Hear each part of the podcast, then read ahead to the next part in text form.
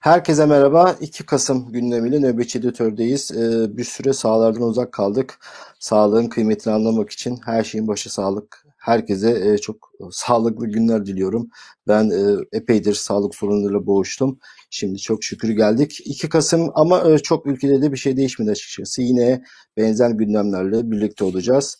Bugün malum salı günü e, grup toplantıları vardı. Onlara bakacağız. Havuz medyasının, yandaşların, fondaşların pek vermeyeceği haberler var. Onlara bakacağız. Ama öncelikle e, başlayacağımız bir hak ihlali haberiyle başlayalım. 96 yaşında bir teyze Aliye Yabansu. Urfa Siverek'te oturuyor. E, bir 20 metrekarelik bir konteynerde yaşıyor. Cezai ehliyet yok e, raporu var. Ama başı dertte, başı Erdoğan'a hakaretle dertte.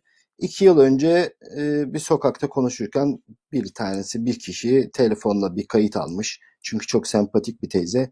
Herhalde Erdoğan'la ilgili bazı şeyler söylemiş Kürtçe. Daha sonra biri bunu sosyal medyaya atıyorlar. Sosyal medyada işgüzarın biri gidip mahkemeye şikayette bulunuyor bu teyzeyi. Ve hakkında Cumhurbaşkanı hakaretten iddianame hazırlanıyor. Dava açılıyor. Ee, bir de şu var hani e, devlet kimi işine geldiği zaman Kürtçe bilinmeyen değil biliyorsunuz mecliste falan Kürtçe konuşulduğu zaman bilinmeyen değil diye işaretleniyor. Mahkemelerde keza öyle. Ama iş 96 yaşında birisini Erdoğan'a hakarete gelince nedense her şeyi anlıyorlar. Ki ne demiş olabilir, e, dese hangi ne yanlış söylemiş olabilir onlar ayrı mesele. E, rapor alıyorlar ceza ehliyeti olmadığına dair ve e, kendisini bir hastaneye giderek bir güvenlik altına alınması, işte bazı hukuki prosedürler var. Ama Urfa Siverek'te oturuyor. En yakın e, Urfa'da hastane yokmuş gibi. 90 kilometre ötede Diyarbakır'da hastane yokmuş gibi. Kendisini 8 saat uzaklıkta Kayseri'ye gönderecekler. Yaşlılığı, e, bakıma muhtaç, e, yatalak, yürüyemiyor, emekliliğini gördünüz. İşte şimdi avukatı, e, Mezopotamya Haber Ajansı'nın bir haberiydi. Bu çok güzel e, olayı anlatmış. Yani istedikleri ya bu yaşlı teyzeyi yormayın, üzmeyin. Ya hakaret davası zaten ceza ehliyeti yok. Mahkemede kabul etmiş. Buradan bazı sosyal medyada yanlış haberler var. Hakaretten ceza vermiyorlar. Ceza ehliyeti olmadığından sonra akli dengesi yerinde olmadığıyla alakalı bir takım prosedürlerle alakalı yoruyorlar. İşte eve polis gelecek, polisten de çok korkuyormuş. Polis alıp götürecek, onun endişeleri var. Yani ricadır, avukatın ricası. Çok yakında hastane var. Oralarda e, müşahede altına alınacak varken 8 saat hiç tanıdığın akrabasının olmadığı uzak bir yere göndermeyin diye neredeyse yalvarıyorlar. Dileriz bu gerçekleşir. 96 yaşında e, küçücük bir yerde kendi başına yaşayan bu teyzeyi üzmezler diyelim. Bunu da kayda geçirelim. Hani e, bir lafları var diye merhametimiz gazabımızı geçti aynen bu ifadeyi kullanmıştı. Merhametimiz gazabımızı geçti. İşte öyle olmuyor. Tanrı ama işte yürüyemeyen Tanrı'nın işte öyle olmadığını görüyorsunuz. Yaşına başına bakmadan herkese bu saçma sapan hakaret vesaire alakalı. Hatırlarsınız yakınlarda da Amerika'da bir ziyaretinde öyle şeyler yok bana hakaret ediliyor diye kimseye dava açılmıyor gibi e, şeyler söylemişti. İşte en e, çarpıcı örneklerinden bir tanesi kendisine bir iş güzerin şikayeti üzerine dava açılıyor ve zavallı kadın uğraşıp duruyor. Bu örneklerden on binlerce örneklerden bir tanesiydi. Şimdi e, grup toplantılarına geçelim. E, Kılıçdaroğlu ile başlayalım. Bugün iki grup toplantısı vardı. Normalde salı günü HDP de yapar. Pervin Buldan yurt dışındaydı. HDP anons geçti. Yarın 12.30'da yapacak. Yani İyi Parti var konuşursa, sağlığı el verirse Erdoğan da grup toplantısı yapacak.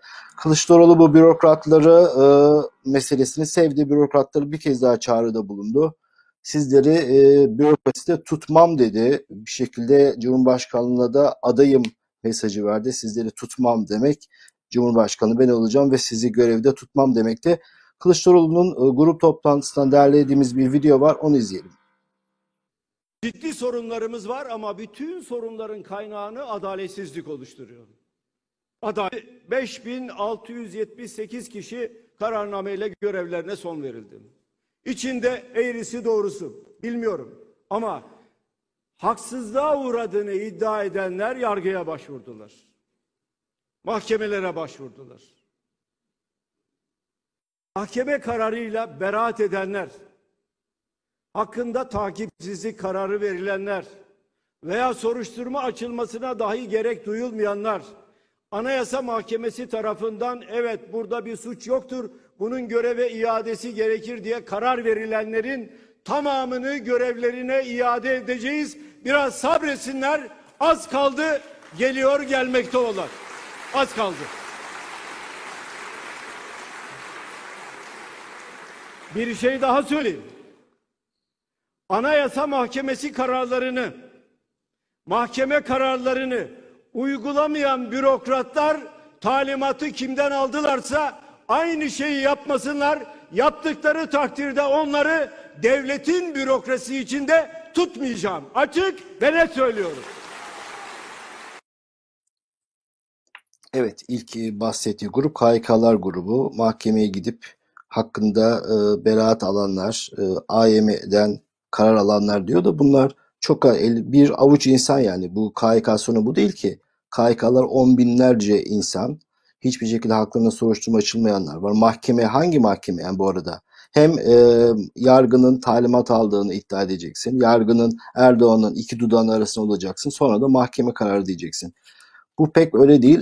Kılıçdaroğlu aynı e, konuşmada Demirtaş'la Kavala'nın da haksız yere içeride olduğunu söyledi. İyi de ilgili de mahkeme kararı var. Kavala ile alakalı tutuklama kararı var. Demirtaş'la alakalı hüküm kararı var. İşte bu da mahkeme kararı. Onlara toplumda tanınan insanlarına gelince tamamen kefil olunacak.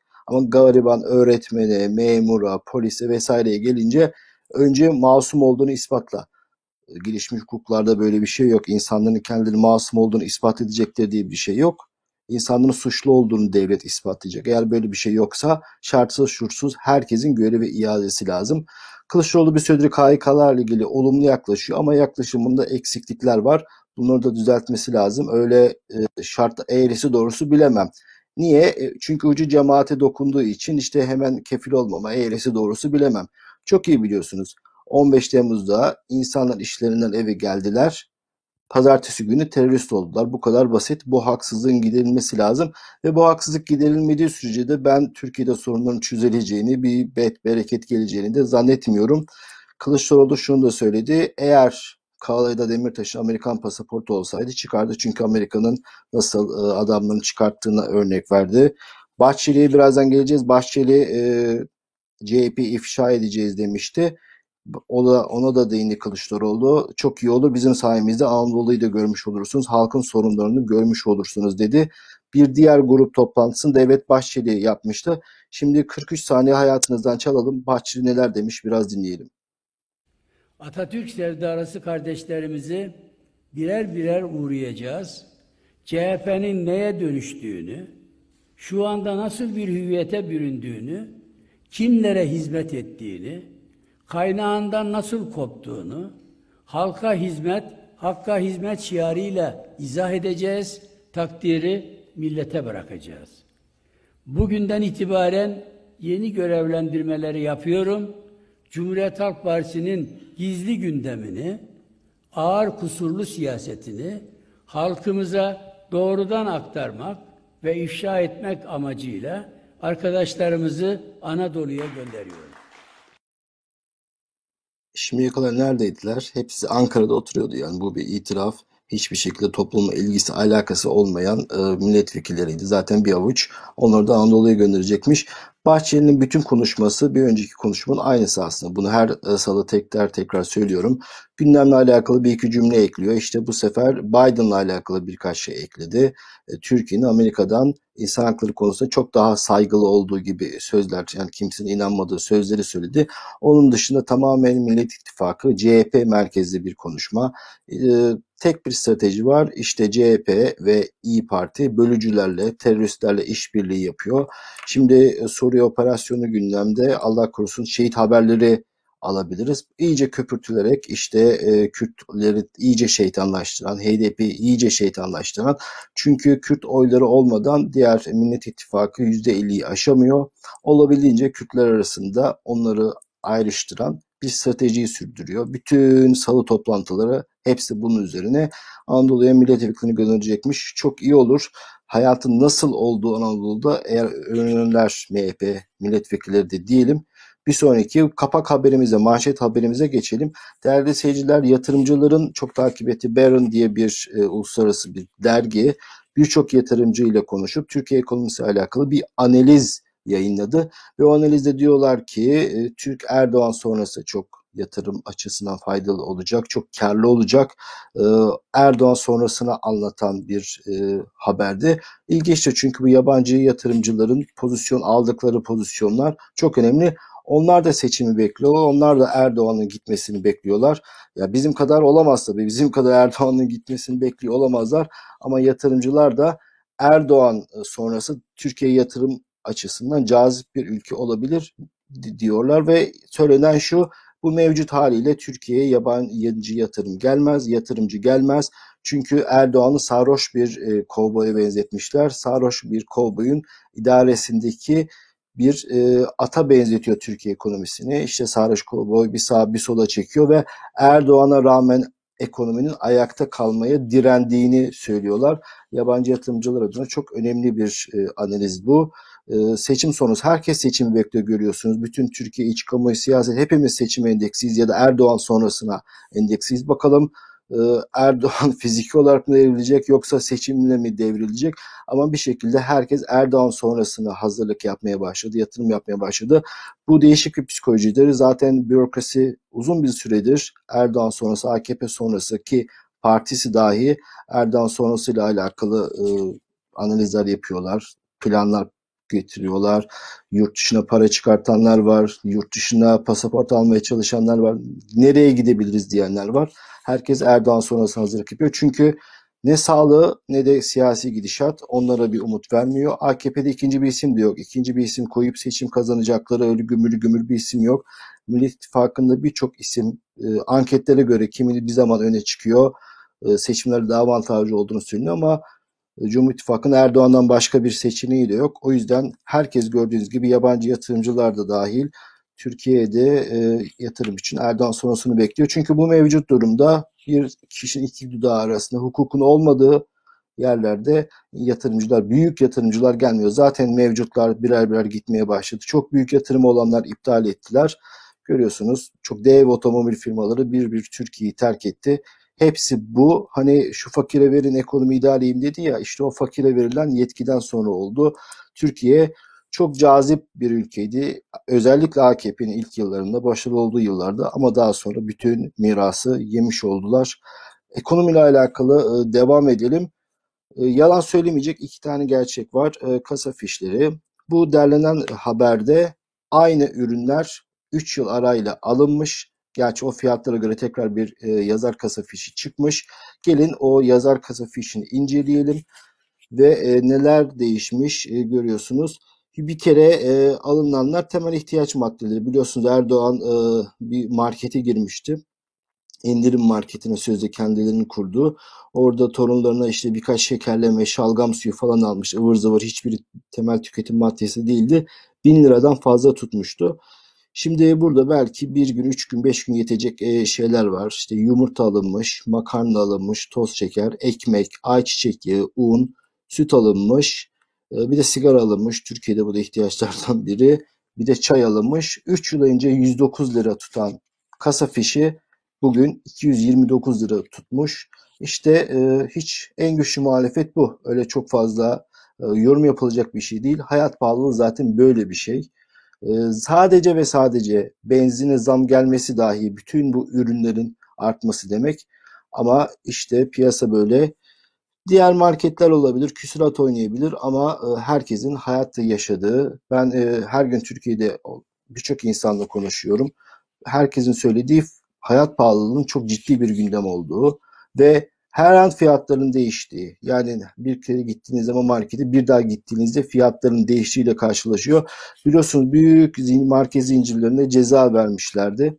Hem gözlerini korkutmayla alakalı ama benzin arttığı, özellikle nakliye ulaşımın arttığı bir yerde fiyatların artmaması mümkün değil. O yüzden e, çok da işe yarayan sadece kamuoyunun gazını alma adına yapılmış şeyler. Hatta bir WhatsApp grubu var marketler arasında. Halbuki bunu da kendileri Berat döneminde oluşturmuşlar. Fiyat dikte ettirme adına kurdukları sistemi de daha sonra bunun başlarına bela etmişler. Çok klasik bir AKP taktiği. Kendilerinin kurduğu sistemi daha sonra adamların üzerine suç diye atıyorlar. Erdoğan e, bugün piyasada yoktu. Aslında e, programında bir misafiri vardı ama onunla alakalı henüz paylaşımlar yapılmadı. Bosna Hersek'ten bir misafiri vardı. Ama Erdoğan'la alakalı e, haberler her zaman gündemde. Şimdi e, Erdoğan'ın son propaganda kitabını biliyorsunuz kendisi aynı zamanda hem Cumhurbaşkanı hem Parti Genel Başkanı aynı zamanda yazar. Sanki oturmuş kendisi bir yazı yazmış gibi de kitabını takdim ediyor. Benim kitabım, benim kitabım diyor. Şimdi başka bir kitap bastılar. Aslında bu e, gitmedikleri iklim zirvesi var ya bu Glasgow'da hani vay benim aracımı almadılar diye. Şimdi e, onunla alakalı bakın şimdi bu tweet'i okuyalım. Arkadaşlar daha büyük verebilirsek tweet'i. E, ben bir saniye şu ekranımı kısaltayım tam göreyim şunu. Diyor ki Erdoğan, yeşil kalkınma devrimi hedefiyle inşallah bu alanda tüm dünyada önce bir rol üstleneceğiz. Gerisi önemli değil. Ee, dünyada önce bir rol üstleneceksin de sen bu iklimin zirvesine gitmiyorsun. Yani iklim falan umurunda değil. Biden'la görüştükten sonra ya yemişim iklimini deyip Glasgow'daki e, hastalığından dolayı yorgun olduğun için araçları bahane edip sen bu iklim zirvesine gitmiyorsun ama iklimle alakalı dünyada önce olacakmışsın. Biden randevuyu Glasgow'a verseydi yok benim aracımı almadılar diyecek miydin? Demeyecektin. Tıpış tıpış Glasgow'a gidip Biden'la orada görüşecektin. Ama Biden'la görüştükten sonra iki defalarca anlatıldı. Bu iklim zirvesi salla gitsin e, bu yorgunlukta bir daha insanları çekmeye gerek yok. Zaten G20'de epey dünya lideriyle görüştü. Şimdi bu e, bir propaganda kitabı basmış. Ya şimdi bir önceki görüntüyü arkadaşlar tekrar görelim. Ya da Fahrettin'in bir tweet'i vardı. Önce şu Fahrettin'i de bir aradan çıkartalım da. Fahrettin'in komedi bir tweet'i var. Bu e, Cumhurbaşkanımız evet bakın büyük devlet hani yerleri gökleri sığdıramadıkları büyük devletin attığı tweet'e bakın değerli izleyiciler. Cumhurbaşkanımız Erdoğan G20 zirvesinde iletişim başkanlığımız tarafından hani kendisini de sayıyor hazırlanan Türkiye'nin Yeşil Kalkınma Devrimi kitabını ABD Başkanı Biden'a takdim etti. Ya böyle bir çocukluk, böyle bir tweet olabilir mi? Ben bu tweet'i görünce gerçekten acaba yanlış bir hesaba girdim. Neyse mavi tıkla hesaba girmişim. Yani Fahrettin'in attığı tweet'e bakın. Erdoğan Biden'a kitap hediye etmiş ve bununla övünüyor. Attığı bunu tweet atıyor. Niye? Çünkü kendileri hazırladı. Kendisi de ön söz yazmış. Yani inanılır gibi değil. Övündüğümüz şeylere bakın. Çok kötü bir kitap. Kitabı da anlatacağım size bu arada. Kitap kitabın kendisi ağaç katliamı. Yani eğer normalde bu kitap dijital ama hediye etmek için de bastırmışlar İstanbul'da bir matbaaya.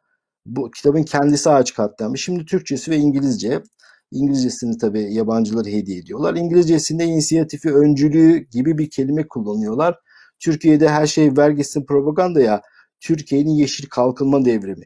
Ya siz dört ağaç görüp oraya beton diken insanlarsınız. Siz ağaçları, parkları kesip orayı betona çeviren İstanbul, İstanbul'u böyle ağ, bina mezarlığı haline getirmiş, nefes alınan her yeri kesmiş. Yani belki de Türkiye Cumhuriyeti'nin en fazla ağaç kesen ama onlara göre milyarlarca ağaç e, dikilmiş. Bazıları hesaplayabiliyorsunuz. Her saniye bir insan 100 tane ağaç dikse onların rakamlarına ulaşamıyor. İşte böyle bir Orta Asya hükümdarlarının şey yaptığı gibi propaganda saçmalıklarıyla övünüyorlar. Biraz kitabın sayfalarından gösterelim. Bakın karşımıza ne çıkacak. Şu kitabı şöyle biraz yukarıdan aşağıya inelim. Kitabın e, ne kadar ciddi bir kitap olduğunu şimdi e, ben durun dediğimde e, göreceksiniz. Geçelim bunları. Bunları geçelim Fahrettin'in. Şimdi Erdoğan bunun takdim yazısını yazmış. Onu anlatıyor. E, takdim yazısı daha takdim yazısına direkt e, Batı medeniyetine çakarak başlıyor. Evet. Kitap bu. Kitabı kitabın bütün özeti bu. Erdoğan'la alakalı. Ya bir insan bir kitaba böyle bu fotoğrafı koymaya utanır ya. Kitabı Erdoğan mı yazdı? Yo, bir tane takdim yazısı yazmış. Aşağılara doğru indiğimizde Fahrettin de ön sözünü yazmış. Hani bu kadar övünmesinin sebebi o. Kitapta hiçbir şey yok. Kitap bomboş bir kitap. Kitapta uluslararası belgeler, bilgiler, anlaşmalarla ilgili bayağı bir doldurmuşlar. Birkaç tane Emine Erdoğan'ın sıfır atık şeyini araya sıkıştırmışlar. Şunu yapacağız, bunu yapacağız. Yabancı kuruluşlardan ve TÜİK'ten aldıkları istatistiklerle birkaç grafiklerle şişirmişler. Yani 2-3 saatte hazırlarım bu kitabı ve bu kitabla da övünüyorlar. Yani ne halde olduğumuz göstermek adına aldım bu haberi. Bir sonraki haberimize geçebiliriz ama özeti şu eğer bu kitabı ne kadar çok basarlarsa o kadar çok ağaç katliamı sözde yeşil kitabı. Bugün e, dün e, Osman Kavala'nın uğrunda krizler çıkan 10 büyükelçiyle papaz olduğumuz büyük bir krizin eşiğinden döndüğümüz Osman Kavala'nın hapishanedeki dördüncü yıl dönümüymüş. Onunla alakalı kendisi de bir mesaj yayınladı. O mesajda diyor ki tek tesellim yargıdaki sorunlarla yüzleşilmesine e, vesile olduğum. E, güzel bir ifade. Osman Kavala da içeride. Demirtaş da içeride. Bunlardan bahsederken böyle bahsetmek lazım. Çünkü on binlerce insan saçma sapan terör suçlamasıyla içeride hiçbir suçları yok. Normal sıradan herhangi bir hayat yaşarken bir anda terörist ilan edilmiş on binler hapiste ki maalesef artık insanlar tahliye olmaya başladılar. Osman Kavala da içeride, Demirtaş içeride. İnanın Kavala'yı Demirtaş'ı e, salsalar bir daha hiç bu konulara girmeyecek birçok kesim dolu. E, O yüzden tek tek hatırlatmak lazım. Kanser hastalığı içeride, hamile kadınlar içeride, çok masumlar içeride. O yüzden e, devamlı Demirtaş, Kavala gündeme gelmesi birçok masumun da ikinci planda kalmasının sebebiyet veriyor. Evet ünlüler, tanınmış siyasetçiler tabii ki gündem olabilir. Onlarla alakalı, alakalı kampanya olabilir. Ama sanki sadece bunlar içerideymiş gibi de bir hava estirmemek lazım. Bu çok yanlış. Bu yanlış yapıyorlar çünkü içerideki masum insanların birçoğu cemaat ya da cemaat iltisaklı olduğu için bu konulara girmeye korkuyorlar ya da zaten cibilli e, düşmanlıkları olduğu için bu konuları görmezden geliyorlar. Biz de kafalarına vura vura hatırlatacağız. E, rahatsız olacaklar ama bunları da duyacaklar. Bir sonraki haberimizde e, Amerika ile alakalı biliyorsun Biden'la görüşmesinden sonra Biden'ın F-16'larla alakalı yaklaşımını Erdoğan çok olumlu bulmuştu. Erdoğan'ın bu olumlu sözlerinden sonra kongreye 41 milletvekili mektup göndererek Türkiye hala yaptırım kapsamında o yüzden Türkiye'ye F-16 hala teknik olarak satılamaz diye Dışişleri Bakanı Blinken'a e, mektup göndermişler. Biliyorsunuz Türkiye F-35 projesinin ortaklarından bir tanesiydi. Ortaklarından bir tanesiydi. Sadece satın alıcı ülke değil, müşteri değil, aynı zamanda ortaklarından bir tanesiydi. Türkiye'nin 9-10 milyar dolar arasında bir para kazanacağı öngörülüyordu. Çünkü bazı parçaları Türkiye'nin üretmesi öngörülmüştü. Türkiye S-400 sevdasına F-35 projesinden oldu. Hem gelecek 9-10 milyar dolardan oldu hem de modern yeni nesil savaş uçağından oldu ve elinde kaldı F-16'lar. F-16'lar çok e, uzun süredir kullanılıyor. Gövdesi e, belli bir uçuş saatinden sonra yenilenmesi lazım, modernizasyon lazım. Türkiye'nin yeni uçaklara ihtiyacı var. Bunu Lockheed e, şirketiyle e, bu görüşmeler yapılıyor. Ancak bir ülkeye silah satışı kararı kongrenin verdiği bir karar. Siz şirkette de anlaşmış olsanız kongre izin vermediği sürece hiçbir şirket size silah satamıyor. E, Türkiye'nin F-35'ten dolayı ödemiş olduğu bir 1.6 milyar dolarlık bir parası içeride. Şirket e, cash olarak iade etmeden işte modernizasyon, yeni F-16 satma gibi formüllerle Türkiye'nin karşısına çıkıyor. Ama görüyoruz ki Amerika'daki direnç hala devam ediyor. Bu durum maalesef böyle değildi. Ya çok kısa bir süre önce 6-7 yıl önce Türkiye Amerika'da çok e, rüzgar olan bir ülkeydi ama işte tek adam, tek parti sistemi, diktatörlük Türkiye'yi her yerde, uluslararası bütün alanlarda karşısına zorluklar olarak çıkartıyor. Sadece ekonomimiz batmıyor, aynı zamanda uluslararası ilişkilerde de çok zorlanıyoruz diyelim. Ee, Türkiye'nin parası çok. Türkiye'nin parasının ne kadar çok olduğuyla alakalı bir haberle devam edelim. Bu Merkez Bankası Başkanı Naci Ağbal vardı biliyorsunuz. Ee, yakın zamanda Erdoğan tarafından şutlanmıştı. Ee, hazineye müsteş, müşavir yapılmış, resmi olarak açıklandı. Ama maaşını almaya devam edecekmiş. İşte 81 bin TL Merkez Bankası Başkanı almaya devam edecekmiş. Daha önce benzer e, bir polemik gündeme gelmişti. Bunlardan önce Murat Çetinkaya ve Murat Uysal diye iki tane Merkez Bankası Başkanı belki hatırlarsınız belki hatırlamazsınız zaten e, kısa dönem Meral Akşener demişti ya mevsimlik işçi gibi bunlar. Aynen mevsimlik işçi gibi bunlara da maaş ödendi. Yani şu an Türkiye Cumhuriyeti Merkez Bankası, Cumhuriyet Merkez Bankası doğrusunu söyleyelim. E, dört kişiye aynı anda başka maaşı ödeyebilir, ödüyor olabilir. Bu mecliste gündeme gelmişti ve yalanlanmamıştı. E, iki yıllık göreve getirdikleri ve iki yıl dolana kadar bunların maaş alacağı söylenmişti. Şu an e, Türkiye dört tane Merkez Bankası Başkanı maaşı ödüyor. Bu da e, ne kadar çok paramız var onu da siz karar verin. Son haberimiz hali perişanımızı anlatan bir haber. Biliyorsunuz yakın bir zaman birkaç gün önce ödüllü bir polis e, Konya'da uyuşturucuyla yakalamış. Daha önce ödül almış ama e, aracıyla içinde eroin vardı ve kilometrelerce gitti. Bir araca da çarptı. Dört kişiyi de yaraladı. Bu sefer de uzman çavuş çıkmış. Uzman çavuş da ne kadar? 200 bin liraya aldığı uyuşturucuyu satmak için 2, 42 kilo 100 gram esrarla yakalanmış. Yani polisi, askerinin de hali bu. Hani e, yine KHK'lar mevzuna dönersek kalanlar da bunlar. E, girenler de benzerdi hiç merak etmeyin. E, işte o TÜGVA belgelerinde gördük kimlerin polis yapıldığı, kimlerin askeri alındığı belli. Elinde nargileyle TikTok e, videosu çeken adamlar işte devletin kademelerine gelmeye başladı. Durum bu. E, Daha önce de polisle alakalı birçok skandal ortaya çıkmıştı. Hemen hatırlatalım. Bir kadın e, kaçarken e, bir erkek arkadaşına kaçarken polis aracına sığınmıştı. Polis aracına tecavüz etmişlerdi.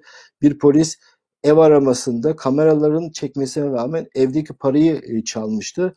Kalan e, şeyler de bunlar işte. Polisi, askeri durum bu. Gip güzel insanlara kıydılar. Kalan da bu. Hani çok duygusal konuşmak istemiyorum ama kimin ne kadar hayatını kararttılarsa ülkede ülke insanı da o kadar insana muhtaç. İşte hakim ve savcılar utanmadan diyorlar. Nerede bu hakim, nerede bu savcılar? Niye kimse dava açmıyor? Ya kusura bakma bu davalar açabilecek insanlara kıydınız, hayatını kararttınız. Birçok hakim savcı tek kişilik hücrede penceresi bile olmayan yerde hayatı kararmış durumda. Şimdi nerede bu savcı, nerede bu hakim? Hak ettiğiniz hakim ve savcılar da bunlar, hak edilen polis ve askerler de bunlar maalesef. Burada e, bir Türkiye dönüşüm sağlayamazsa, Türkiye buradaki sorunu çözmezse bu insan kalitesizliğiyle çok daha fazla imtihan olmaya devam edecek deyip bugünkü nöbetçi editörü bitirmiş olalım. İzlediğiniz için çok teşekkür ediyoruz. Haftaya salı görüşmek üzere. Yarın Bülent Korucu görevi nöbeti devralacak. Onu da izlemeyi ihmal etmeyin. Selamlar.